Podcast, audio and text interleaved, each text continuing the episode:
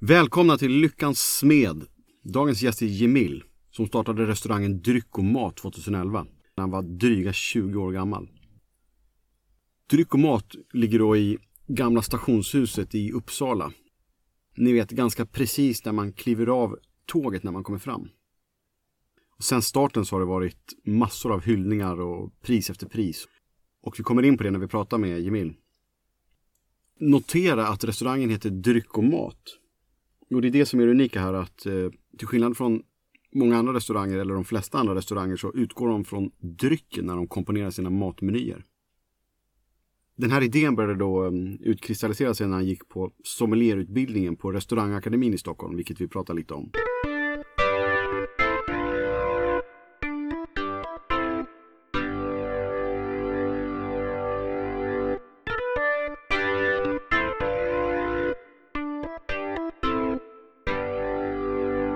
Från början så kom det väl till att jag ville öppna en krog som där det inte riktigt var någon meny utan att man kom, valde det man ville dricka och så skulle vi laga mat eh, efter det egentligen. Men med tiden så utvecklades det. Eller, jag gjorde aldrig exakt den grejen utan direkt så utvecklade vi konceptet till att sätta menyer och då utgå ifrån drycken när vi eh, mat. Och initialt med det som bara var dryck som jag öppnade först då för det är snart fan snart tio år sedan.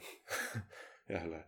Så uh, växte vi ur lite grann det. Det blev, det var en så pass, det är så pass lite, det var en så pass liten lokal. Så vi växte in det, jag fick en, en tog in en kompanjon, eller fick en kompanjon. Det var väl han som tog mig mer än att jag tog honom. Och eh, så fixade vi en ny lokal och så blev det dryck och mat. Så lite samma tänk men lite bredare än liksom så här hård nischen bara. Det är ju eh, unikt att utgå från drycken Mm. istället för från maten. Mm. När kom du på idén? Men det var nog... Det var nog någon gång under studietiden som jag tänkte på det. Vi hade ju något projekt där att vi skulle öppna en krog. Nu gjorde jag aldrig det konceptet för jag ville inte gå ut med det framför Vi- 30 olika sommelierer Ja, liksom. det gjorde du rätt i efterhand. Vi läste ju sommelier tillsammans. Ja, exakt. Och det var ju 2011.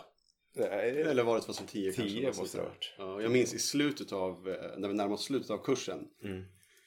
Så pratade alla om vad de skulle göra så här. Ja. Alla skulle typ, jag ska vara på någon restaurang och någon skulle jobba som säljare och bla bla bla. Men du skulle öppna en restaurang. och det var så här 21, 22 då va? Ja, Och så- något sånt. Jag minns att jag tänkte bara shit, ja, lycka till. Ja, men det gick väl. Det var nog Ja. många som tänkte så. Ja, så kommer man hit nu. Ja. Och så för, första gången jag var här då var det typ 16 sittplatser va? Ja, det stämmer. Och nu när ni har utökat och tagit över lokalen bredvid här då Mm. så, så eh, för vi sitter i den första lokalen Nu ja, precis. Och nu har ni vadå, 60 sittplatser och sånt där? Det är 70 inne och sen om vi maxar, vilket vi i stort sett aldrig gör på uteserveringen, så är det 200. Och sen har vi ju kvar den här lokalen vi sitter i och nu är det, det är väl ungefär 16 sittplatser här inne men vi, det är en, vi driver en cocktailbar här idag som heter Sju flaskor som det går jävligt bra för också. Vilken jävla resa. Mm. Och jag läste att ni fick av UNT, då, Uppsala Nya Tidning, Årets krog och eh, ni blir, årets, eh, av läsarna då fick ni Ja. också bästa upplevelse eller sådär, Ja, ja. vad det heter. Igen, för det har ni, det har ni fått förut. Ja, vi fick faktiskt eh, två priser till. Ja, ja, berätta. Vi fick, eh, jag och Niklas som krögare då fick tilldelade årets hederspris. Och så fick vi för baren här årets bar också. Så vi tog alla priser förutom årets nykomling och det är förklarligt tror jag. Så hederspriset var för en eh, Det var- stark insats över tid. Ja, precis. I Uppsala uteliv och krogliv. Mäktigt. Mm, det kändes, det var en stor slam faktiskt. Det kändes jävligt bra. Och baren Sju flaskor, där Mm. vi sitter nu då ska vi säga. Den har fått andra utmärkelser. Baren också. Ja, den fick... Eh, den har varit nominerad. Nu har inte jag riktigt koll på alla de här tävlingarna. Men den eh, som vi... Jag har koll på dem vi vann. Men vi har varit nominerade rätt mycket. Men, vi vann... Eh, på restauranggalan 2018 så vann vi årets barkoncept. I Sverige då. Är det vi gör här inne. Då har vi ju dryck och mat i ena lokalen och sen sju flaskor. Kan du berätta om sju flaskor-konceptet? Sju flaskor, det kom upp som en idé. Det är egentligen en kille som heter Raul Núñez som, som det är han som roddar det här och driver det. Eh, och det är väl också en, det är väl en, en typ av inspiration eh, tror jag i alla fall ifrån vad vi håller på med. Och sen så flätade vi ihop det så att liksom koncepten ska funka ihop. Men hela grund, grunden med sju flaskor är sju flaskor. Så det är sju flaskor sprit som byts i stort sett veckovis. Och på de här sju flaskorna med sprit så gör vi sju cocktails. Och det uppnår en cocktaillista eh, som då snurrar hela tiden. Jag tror att han vi har kört här i, vad blir det nu? 30 augusti har vi kört två år med sju flaskor. Och jag tror att han är uppe på snart 50 cocktailmenyer på den tiden. Och sen, eh, du berättade om Niklas som kom in i bilden Ja, också ja. För, för några år sedan. Så ni driver... eh, Vi driver allting ihop. Ja. Vi är delägare, 50-50.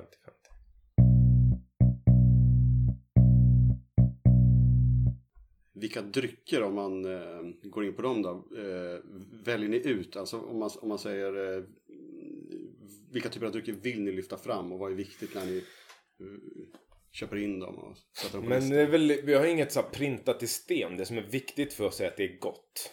Eh, och det... Alltså... När man jobbar, vi jobbar ju med en, vi, ut- vi jobbar ju med två avsmakningsmenyer. Där en är en trerätters utav en femrätters. Så femrättersen är ju det vi, vi jobbar på och sen så har vi en mindre variant också. Och den menyn med vin då, när vi utgår ifrån vin, den är helt ny på tre veckor. Så vi betar igenom. I avsmakningsmenyn så är det fem nya viner på tre veckor. Så vi också byter väl, den menyn är helt ny 18 till 20 gånger per år. Eh, och då kommer man ju ifrån lite grann att vi serverar bara, bara det vi själva brinner för och vi måste hugga det här i sten och det är så här det ska bli liksom. Att man måste på något sätt få upp en objektivare, alltså det här är ett bra vin och det här, det kanske inte är exakt det jag dricker när jag är hemma på en söndag men det är ett gott vin och det passar, den platsar in. Så med det sagt så försöker vi ändå hålla oss i något typ av hållbarhetstänk. Men det är inget som är printat någonstans. Liksom. Vi skriver inte på näsan att vi är ett naturvinställe eller att vi bara jobbar i Europa eller liksom att Borgon är världens bästa område. Liksom. Det är inget sånt överhuvudtaget. Utan I grunden så ska det vara gott. Och så ska det får, det får gärna, det följer ofta med. Alltså ett, ett bra vin så följer ofta ett hållbarhetstänk med i vilket fall som helst.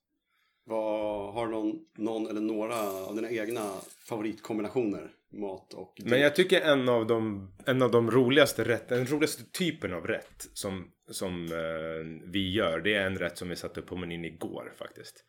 Och återigen, det är, alltså, vi byter fem rätters menyn 18 gånger per år. Det är jävligt mycket rätter. Det är rätt mycket rätter. Eh, men den typen av rätt som jag tycker är, är bäst. Det är ett vin. Vi har ett vin från ett sydafrikanskt vin just nu från en producent som heter Mother Rock. Som är en kille som heter Johan Mayer som, som vi har lärt känna. Och han är väl så här rising, rising star typ i Sydafrika. Skitduktig vinmakare. Och så jobbar han helt utan några konstligheter överhuvudtaget. Han är vad traditionalisterna skulle säga mallen av vad en naturvinsproducent är för någonting. Och så gör den ett relativt cleant vin, men det är ändå det spretar lite grann. Och då gör, vi har gjort en rätt till det som bokstavligt talat är snökrabba som vi värmer i smör. Och så har vi juliennat, alltså tunt, tunt, tunt skurit de första svenska äpplena. Transbarns blanche som är svinsyrliga just nu. Så då får man det här äh, salta, skaldjuriga med fettman ifrån smöret och så är det bara en attack av syra ifrån äpplet. Och det tämjer vinet så här direkt. Och så är det bara knivskarpt liksom. Det blir så, det är så enkelt men det är så jävla gott. Ja, det låter... Nu jag blev hungrig nu. Bra, det är meningen. Har du någon sån här som är lite ovanlig om man säger så? Jag, eh, som exempel, jag, jag har personligen, jag, jag tycker inte så mycket om saffran eller rosé. Mm. Men tillsammans, eh, det är lite så här, fan vad gott det blir. Ja. Har, har du någon sån där eh, som är oväntad? Men eh, inte som är oväntad. Men jag har ju en, jag har ju en kombination som jag själv får väldigt svårt för. Men som passar väldigt bra ihop. Och det är ofta så här spritförstärkta röda viner och typ. Alltså när det blir körsbär åt bittermanderhållet. Det tycker jag. Det tycker jag på riktigt inte är gott. Men det passar ju ihop. Och där återigen, det är ju en så här, där får man ju bedöma. det här är, där måste man ju vara liksom professionell nog att tänka så här, men den här kombinationen funkar. Men det är, jag tycker inte att det är gott. Så man säger exempelvis ett portvin. Ja. Och vad, vad skulle du servera till det då? Jag skulle ju inte servera det snarare. Nej men, men eh, en körsbärskompott med en chokladganache och eh, mandlar. Skulle jag liksom. Körsbärsskum, det är nog det värsta som finns till. Jag skulle vilja bara backa bandet lite. Hur, Ja. hur, hur gammal är du nu? 30. Och du, du är född i Uppsala. Mm.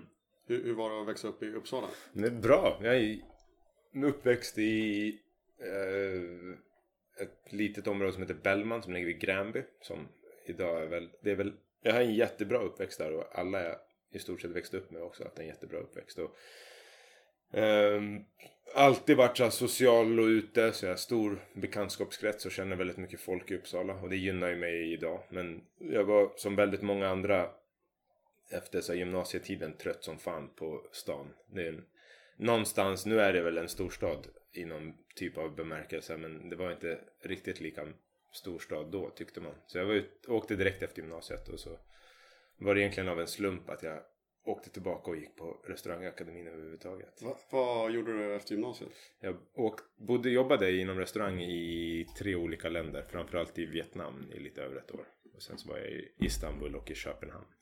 Och när, när det var lite längre i Vietnam, var, Mm. eh, hade ni en restaurang där? Var det så? Min morbror bodde där. Han är flyttat tillbaka nu till Sverige med sin familj men bodde där i 20 år. Och jag var med och hjälpte honom att öppna upp en, en fransk bistro i en stad som heter Hoi An. Visste du alltid att du skulle bli eh, driva restaurang? Nej, fan eller. Eh, tanken, med, tanken med att åka till Vietnam var väl egentligen inte... Det som lockade var egentligen inte kanske restaurang men det växte väl fram där på något sätt. Det, finns, det är en alldeles för lång historia för att dra här nu men det var Montes Alfa, Montes producenten från Chile, Aurelius Montes, var nog han som så här väckte eh, intresset för mig som fan när det kom till vin. Var Var du, träffade du honom i Chile eller? Nej, i Vietnam. Han var på en sån här promotion tour. Och eh, eh, jag vet inte om jag får dra det här så här eller inte nu. Men vi var den restaurangen i Vietnam som utanför hotellen som sålde mest av hans viner. Den här, på den här franska bistron. Men till stor del av det var nog att både jag och min morbror drack hans, hans viner mest av alla. Så att det var för importören så ville de verkligen att vi skulle träffas. Så kvällen slutade med att vi på ett, ett, ett resort där som eh, var helt, helt magiskt. Eh, hamnade i en sån här privat bungalow.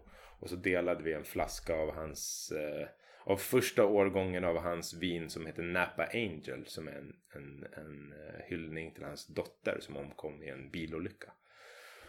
Under den här provningen då, det var ju bara en massa expats med eh, vad heter det, whiskyflammade kinder liksom som var där. Men så det var väl ingen riktigt, jag vet inte om det var någon som riktigt tog till sig men han är en enormt karismatisk eh, person och kemist i grunden på något sätt. Och det var det som egentligen så här okej det här är, det här är en, en värld på riktigt. Som är så här, det här är en värld som, som, som finns över hela världen. Men det är en egen värld och det är fan få som har koll på hur, hur mycket vinindustrin påverkar människor i så alla nivåer. Alltså ifrån att man är bonde och producerar någon typ av konstgödsel till att det är någon som sitter på Raffles och tar liksom en flaska jag vet inte, Döds har de väl säkert där. Så det är så här, på något sätt. Och den världen, när man kommer in i den världen också som jag tycker fortfarande idag är så fascinerande. Det är att den är så här, den är oändlig. Det är verkligen så här oändligt. Så han tände En gnista på något gnista sätt. Och sen så liksom som med allt man intresserar sig av så Alltså när man börjar lära sig någonting och man är en, på något sätt en driven personlighet så vill man ju lära sig mer hela tiden. Och då är det ju en, definitivt en bransch som man aldrig blir fullärd i. Liksom.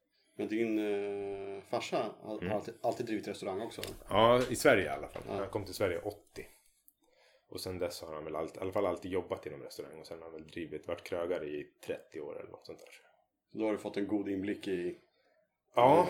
Men jag hade nog någon sån här typ av, eh, jag var nog lite så anti. Att jag inte ville jobba med, jag ville inte jobba med pappa. Och det gjorde jag nog inte förrän 2013 eller något sånt där egentligen. Så lite efter att vi öppnade upp här. Du har, man är tvungen att ha en liksom, eh, Ja, på något sätt. göra sig fri Ja, det är väl så. när man kommer tillbaka. det är väl så. Skulle du kunna ha ett 9-5 kontorsjobb tror du? Nej.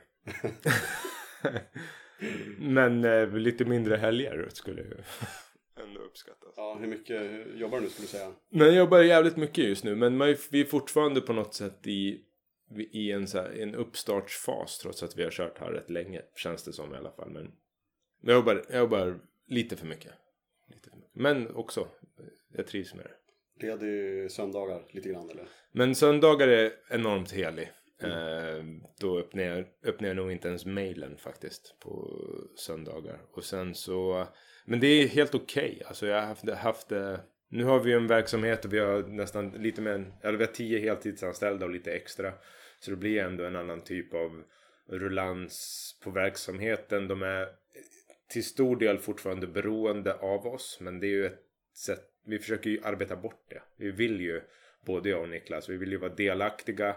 Men vi vill kanske inte stå för den dagliga driften. Och eh, utan att låta utan att låta alldeles för för eh, så här, kommunistisk nästan så alltså en dröm är ju på något sätt en så här medarbetarägd arbetsplats. Att alla är med och tycker och tänker och driver och äger tillsammans. Att man liksom delar på det hela ansvaret. Men det är svårt att hitta den typen av personligheter också. Men sättet vi jobbar på med menyerna är ju inkluderande. Alla är med och tycker. När vi provar rätter så är alla med och provar. Och liksom, ja, alla ska få vara med och tycka. Det upplever i alla fall jag utifrån kanske inte är så jättevanligt i restaurangvärlden. Nej, nej, det är det verkligen inte. Är du de flesta morgnar Mm. så här glad när du är på väg till jobbet och vaknar? Och att du har kul, kul utmaningar framför dig? Ja, det är det väl. I alla fall utmaningar. Det är ju... Alltså... Någonting, det jag tycker är jätteroligt. Det är ju när dörrarna öppnar och eh, restaurangen fylls med gäster. Kommer in och service kommer igång och pulsen händer och det händer saker och man levererar och man ser leende och lycka och folk som trivs och mår bra. Och det är ju 50% om ens vad man gör. Eh, det, när dörrarna öppnas så är jag en kollega till mina medarbetare. Jag och Niklas jobbar ju, vi jobbar ju väldigt mycket service. Alltså för mycket service. Men det är också det vi tycker är kul. Och sen så är det ju den tråkiga biten är ju oftast de tråkiga monotoma sakerna i företagandet. Men i företagandet så, i alla fall jag nu när det har blivit större, har jag också hittat en annan typ av passion. Alltså, det är ju kul att driva och se utveckling, man gör resultat. Vrider vi på den här kronan så blir den här kronan till sista raden. Och det är ju också en drift liksom, det är också roligt. Och, I och med att man växer och, och utan att utan att avslöja eller ta upp någon förhoppning överhuvudtaget så eh, kommer vi ju inte stanna här. Men desto större och fler och mer man blir så plockas man ju bort mer och mer ifrån den biten som man egentligen idag tycker är roliga, som är service. När du, om vi skulle öppna upp två ställen till nu, då skulle inte jag kunna jobba 50% av min arbetstid service. Utan då kanske jag kan jobba 10% av min arbetstid service. Och då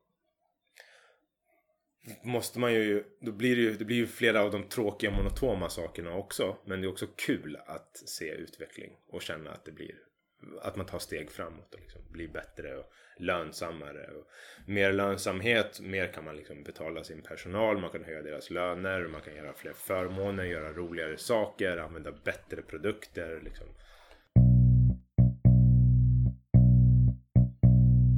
Jag har med ett vin här. Mhm. Jag ska inte... Vad kul, Du får gissa vad det är. Du får gissa om du vill. Men Ja, ja, eh, kör. Det häller upp det och så får du eh, Det var länge sedan jag blindprovade. ja, säga vad du tycker om vinet. Om det är bra och varför det är bra. Och eh, inte minst vad du skulle servera till det. Jag ska säga att det varit öppet sedan igår för jag var tvungen att provsmaka lite igår kväll. Var det något du gillar alltså? Absolut. Jag tycker det Det är gott. Känns som att det kanske egentligen är ett svalt klimat men att det kanske är ett lite varmare år. Fortfarande väldigt bra syra. De har jobbat relativt bra med ekfat. I min smak så tycker jag kanske att de har använt lite för stor del ny ek. Jag tycker att den, i alla fall i doften, tillsammans med lite värmen ifrån alkoholen tar över lite grann. Så här om man skulle sätta en rätt så det första jag skulle tänka är att liksom eh, få ner känslan av alkohol. Så i rätten sälta mycket fett. Eh, men ändå syran måste mötas. Jag skulle möta med rätt. Jag skulle möta med ett element i rätten som är väldigt, väldigt syrligt. Kanske inte jätteintegrerat i själva rätten. Men så att man får en skjuts av liksom syran. Och sen gå mot någonting mm, så här fräscht och fräscht och grönt. Få in en vit fisk, en skummig så här mineraldriven, alltså musseldriven typ skummig vitvinsås. Eh, skulle kunna gå på en uppsyrad bakad fänkål. Sjuk syra. Ska jag, vill du säga vad det var? Ja, men jag, Hade du gissat kanske? men fat, först, det första jag tänkte med fathanteringen så tänkte jag chardonnay men det känns inte som att det är det ändå. Fast det skulle ändå kunna vara det. Så jag skulle säga att en, en relativt bra producent från typ Vouvray som jobbar mycket fat. Så känner in. Den är så jävla lurig för. Men det är faktiskt en, eh, en Semillon. Okej. Från eh, 2000, 2002. Jaha. Så den har ju utvecklat den här eh, rostade liksom. Eh, Inte ens Europa. nej men det är alltså det här går ju inte att gissa på. Nej, Jag, jag klipper bort gissningen. Nej gör inte det. Man- Man är alltid på läktaren. Så är det ju. Underskattad eh, vinstil. Ja. inte så vanlig. Nej, verkligen inte. Kul. Kan man följa er på Instagram? Absolut. Facebook? Vad, Absolut. Vad, vad ska man söka på? Dryck och mat Uppsala i bägge fallen. Och eh, bordsbokning? Har ni drop-in? Och... Ja, det har vi. Det var ju en sak. När vi drog upp Lilla Dryck då hade vi ju 17 sittplatser faktiskt. Och så bokade vi inte de fyra i baren utan resten. Och det var ju en av de tråkigaste sakerna att man tappade eh, spontaniteten på ett sätt. Att man, ska, man ska inte underskatta liv i en restaurang. Det är en av de sakerna som jag tycker är absolut tråkigast med att gå på så här, eh, alltså, väldigt ansedda restauranger. Det är att alltså bra jävla mat som är så här perfekt tillagad. Det, det kan man göra hemma. Alltså om man har lite intresse eller liksom är väldigt metodisk och kan följa ett recept så kan man ju Alltså köper du en bra råvara Googla lite om det så kan du i stort sett laga den maten som lagas på alla bäst ansedda restauranger i hela världen hemma. För att du lagar mat till två, fyra, sex personer. Det är, inte, det är fan lätt att steka en havskräfta till perfektion. Det är fan inte svårt. Och det är svårt att göra i en restaurangmiljö. Men det jag ofta saknar på, restaurang, på restauranger det, som är ansätts, ansätts bra. Det är ju det man går ut för. Du går ju ut för att få en så här social upplevelse. Se folk, känna puls. Eh, och drop in med folk som kommer in och drar en bärs. Alltså det ger ju ett surr och ett liv i lokalen som blir roligt liksom. Som blir roligt och inne på dryck och mat nu så håller vi ju av de 70 sittplatserna vi har så bokar vi ungefär 40. Så resten håller vi alltid på drop-in. Så att det ska liksom vara en snurr. Men vi välkomnar ju såklart mer än mycket bordsbokningar också. Och nu håller vi precis om två veckor så sätter vi en helt ny hemsida. Så hemsidan vi är nu, den fungerar, allting fungerar som det ska men menyer och så är inte uppdaterat för jag vill inte höll jag på att säga. Men eh, via hemsidan, man kan ringa, man kan mejla. Det är så. Nej, men jag Eller komma förbi. Det här äh, stimmet, alltså på en fin restaurang om man har varit. Där man hör liksom en sån här kniv som rör sig. Man så här sitter och känner att man gör något fel hela tiden. Ja. Nej det är Det är inget ingen- skönt. det är Då har man ju misslyckats som, som krögare också. Liksom. Så fort man känner, så fort en gäst känner sig att de inte är bekväma med att vara där. Då har man ju gjort någonting fel. Har du någon sån här story som eh, sticker ut? Nu har du ju kört i eh, massa år här. Någon sån här rolig eller konstig grej som, som har hänt? Jag antar att det är många men är det någon som poppar upp? Nej, nej. Det kan Alltså, vara någon fin grej eller något så här som du minns. nej men mera fina saker. Alltså konstiga saker det händer ju hela tiden. Men mera fina saker som, jag, som, som man tar till sig. vi, har, vi har ett par som, som har träffats inne på Lilla Dryck på äldre dagar. Alltså Oh. på restaurangen. Mm, där vi sitter nu. Ja, förlovat sig här. Haft sin bröllopsmiddag här.